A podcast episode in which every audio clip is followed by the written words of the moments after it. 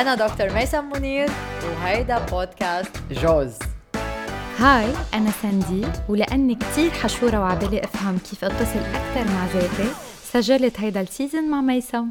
حكينا بالحلقة الأولى من هيدا ال season عن قانون الطبيعة الجوهرية ولنقدر نختبر هيدا الطبيعة. بدنا نمارس ثلاث أشياء بدنا نمارس الصمت من خلال إنه نحن نمتنع عن الكلام أو ممارسة التأمل. بدنا نتصل بالطبيعة وحكينا بالحلقة الماضية عن فوائد اتصال بالطبيعة والحلقة اللي قبلها حكينا عن فوائد التأمل. فاللي ما سمعوا هدول الحلقات بندعوهم يعرفوا ليش عم ننصحهم بهدول الأشياء. في كتير معلومات وفي كتير أبحاث بتشجعنا إنه نحن نتبع هيدا الطريق بحياتنا حياتنا لحتى نقدر نضمن حياة أكثر مرتاحة ومبسوطة. اليوم وصلنا ال non judgment أو اللا حكم. ليه بهمنا إنه نحن نطبق أو نختبر أو حتى نتدرب إنه نحن ما نحكم على القصص ونمارس اللا حكم بحياتنا؟ إذا بنفكر فيها ما بين الفكرة والفكرة في فراغ. حتى لو نحن ما حاسين فيه لأنه أوقات بتكون هالأفكار عم تتوالى على مساحتنا الفكرية. بنفكر إنه هي سيل من الأفكار. يعني أنا بجي فكر أول فكرة بس هي الفكرة اللي بعدها هي منا موصولة فيها. في فراغ صغير وفي فكرة تانية بس لأنه الفكرة جاية ورا التانية فبتجي كأنها موجة وماشية. إذا أنا باخد وقت وبجرب إني هدي هيدا الأفكار. حأقدر أختبر هالفراغ يلي ما بين الفكرة وحأقدر أتصل بالصمت ومن خلال هيدا الصمت حأقدر أختبر طبيعتي الجوهرية. هيدا الفراغ كل ما بدي قوي بدي أعود دماغي إنه ما يكون ضايج إذا دماغي أنا كل الوقت عم بيحكم أول شيء علي كان لازم تتصرفي هيك ما كان لازم تتصرفي هيك. يعني كل الوقت ما بيسكت. من بعدها بيجيني الحكم على الأشياء بيجيني الحكم على المواقف بيجيني الحكم على الأشخاص. معناتها أنا ما بعود عندي وقت فاضي ابدا. بتصير عن جد الفكرة ورا الثانية ورا الثالثه هون بقى بيتعب هيدا الراس. ما بيقدر يختبر هالفراغ. هيدا الطبيعة الجوهرية. بهالسياق اللي عم تحكي ميسم هل فينا نقول إنه في مفر من الحكم كان على الذات أو على الآخر أو على أي حالة بنكون فيها لأنه هيدا الشيء بنعيشه وبنحسه وبنختبره كل دقيقة. دماغي حيشوف شيء دغري حيقول okay أنا هيدا الشيء بدي إياه أو ما بدي إياه. هيدا حلو هيدا مش حلو. يمكن بال unconscious mind قبل ما أنا فكر فيها. ونحن بدنا هيدا الشيء لأنه بالنهاية هيدا ال individuality تبعتنا هيدا شخصيتنا. so نحن ما بدنا نتخلص من هيدا ال individuality بس بذات الوقت ما بدنا هيدا الحكم ياخد علينا ونضلنا كل الوقت شغالين فيه وراسنا مشغول. فالمفر التدريب يعني أنا اليوم قلت أنا هلأ ما بدي أحكم أو بدي درب حالي إنه أنا ما بدي أحكم. يمكن إذا بقعد كل نهار بنسى بس إذا أنا بدي ركز على هذا التدريب بحط ريمايندر كل ساعة.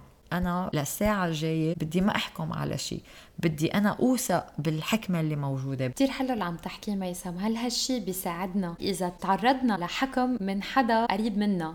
أو يمكن مش قريب بعيد كيف نتعاطى مع النقد اللي معقول هو هيدا الشخص يوجه لنا إياه؟ نحن لما بنقدر نتصل مع طبيعتنا الجوهرية نحن بنفعل قوتنا الحقيقية. قوتنا الحقيقية اللي هي جاية ونابعة من جواتنا. منا متعلقة لا بمنصب ولا بمال أو منزلة اجتماعية أو بشغل معين. لأنه لما بيروح المنصب لما بيروح المال لما بيروح الشغل بتروح قيمتنا مع هيدا الشغل. إذا كانت قيمتنا متعلقة فيه إنه ينحكم علينا هو شيء عادي دائما حيصير. أرسطو له قول إذا ما بدك حدا يحكم عليك ما تعمل شيء ما تحكي شيء ما تكون شيء أي شخص عم بيتعرض للنقد بده يعرف إنه هو عم بيعمل شيء حتى حدا تاني أول شيء عم بيحكيه. ناخذها as positive asset إنه نحن عم نكون active النقطة الثانية هي فكرة إنه مين عم بيوجه لنا النقد وهل يا ترى هذا الشخص كفؤ إنه يوجه لنا النقد أو لا؟ يعني المصدر تبعيت هيدا النقد هو qualified منه qualified بحق له يحكي هو شخص بيفهم بهذا الموضوع يلي عم بينتقدني فيه ولا هو بس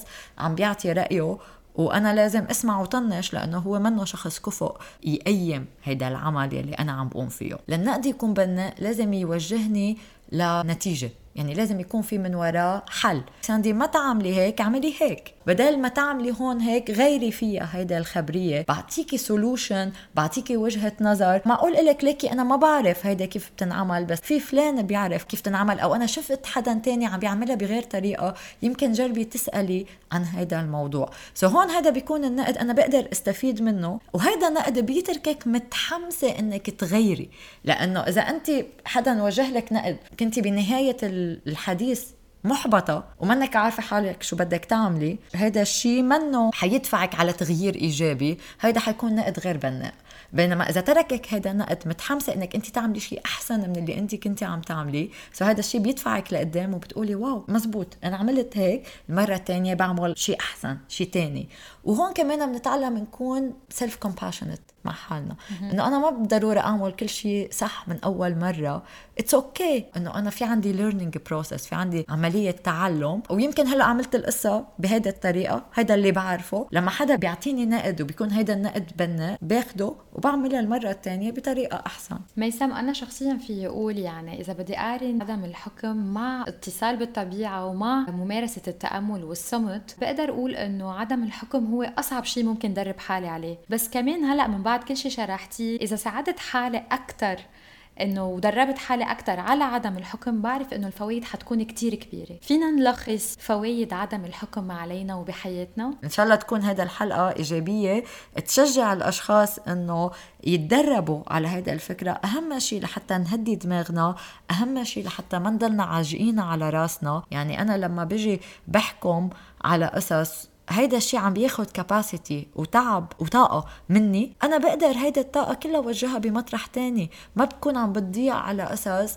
ما بتعني لي بنستعيد ثقتنا بحالنا لأنه بنستعيد اتصالنا مع طبيعتنا الجوهرية. فنحن بنصير اميون عندنا مناعة خاصة للنقد الغير بناء بنصير بنقدر نميز النصيحة لما بتوصلنا من الحكي اللي ما لازم نسمع له. بقدر كمان أنا أيم حكمي هل يا ترى أنا عم بحكم على هيدا الشيء بدون وعي؟ أو هل يا ترى حكمي على هيدا الموضوع هو بمحله؟ يعني أوقات في مطارح لازم أحكم. هيدا المحل منه بيناسبني لازم فل. هيدا الشخص منه بيناسبني لازم اترك. هون لأني أنا ماني شخص دماغي كل الوقت مشغول بصير أنا واثقة بحكمي وبقدر نفذه بكل ثقة. وبهالمناسبة بندعي كل حدا عم يسمعنا أنه يسمع الحلقات السابقة اللي تناولت اول قانون من القوانين السبعة اللي حنحكي عنها بهيدا السيزون ليكون متابع كل المعلومات اللي أنت أعطيتينا إياها من أول حلقة لهلا. الحلقة الجاية حنحكي عن القانون الثاني so I'm very excited. وأنا كمان.